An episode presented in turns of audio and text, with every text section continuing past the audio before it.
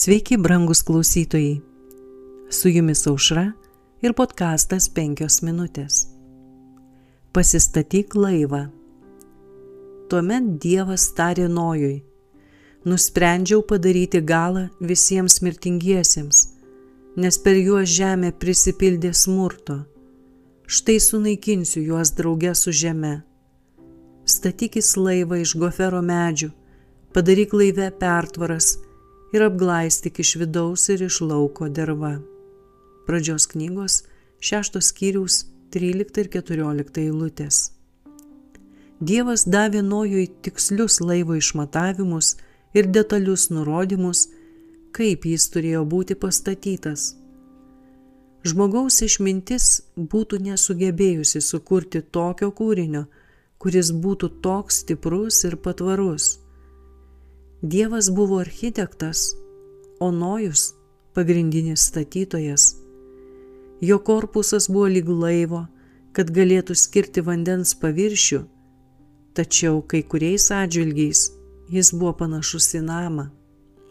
Medžiaga naudota laivo statybai buvo kiparisas, kuris nepaliestas puvimo išsilaikys šimtus metų. Tokios milžiniškos konstrukcijos statyba ėjo lietai ir reikalavo daug darbo. Tada gyvenę žmonės buvo dideli ir nuostabiai stiprūs. Medžiai buvo daug didesni ir savo grožiu bei tobulumis fo proporcijomis, žymiai pranokstantis bet ką, ką dabar gali pastebėti mirtinga akis. Šio medžio mediena buvo puikios vertės, tvirta ir panašiai į akmenį.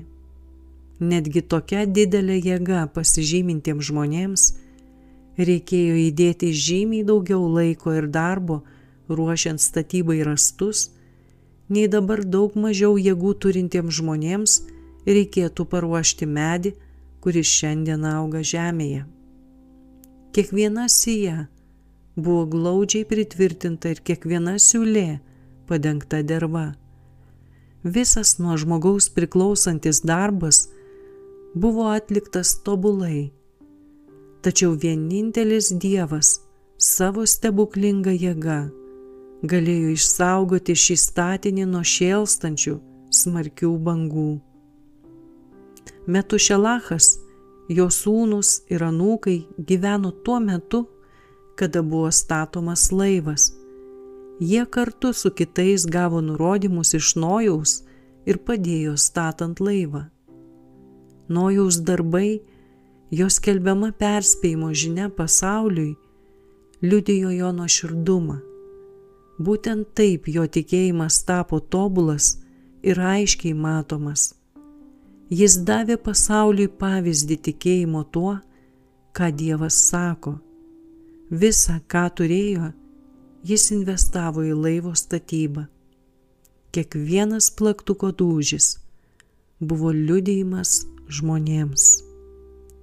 Su jumis buvo podkastas 5 minutės ir aušra.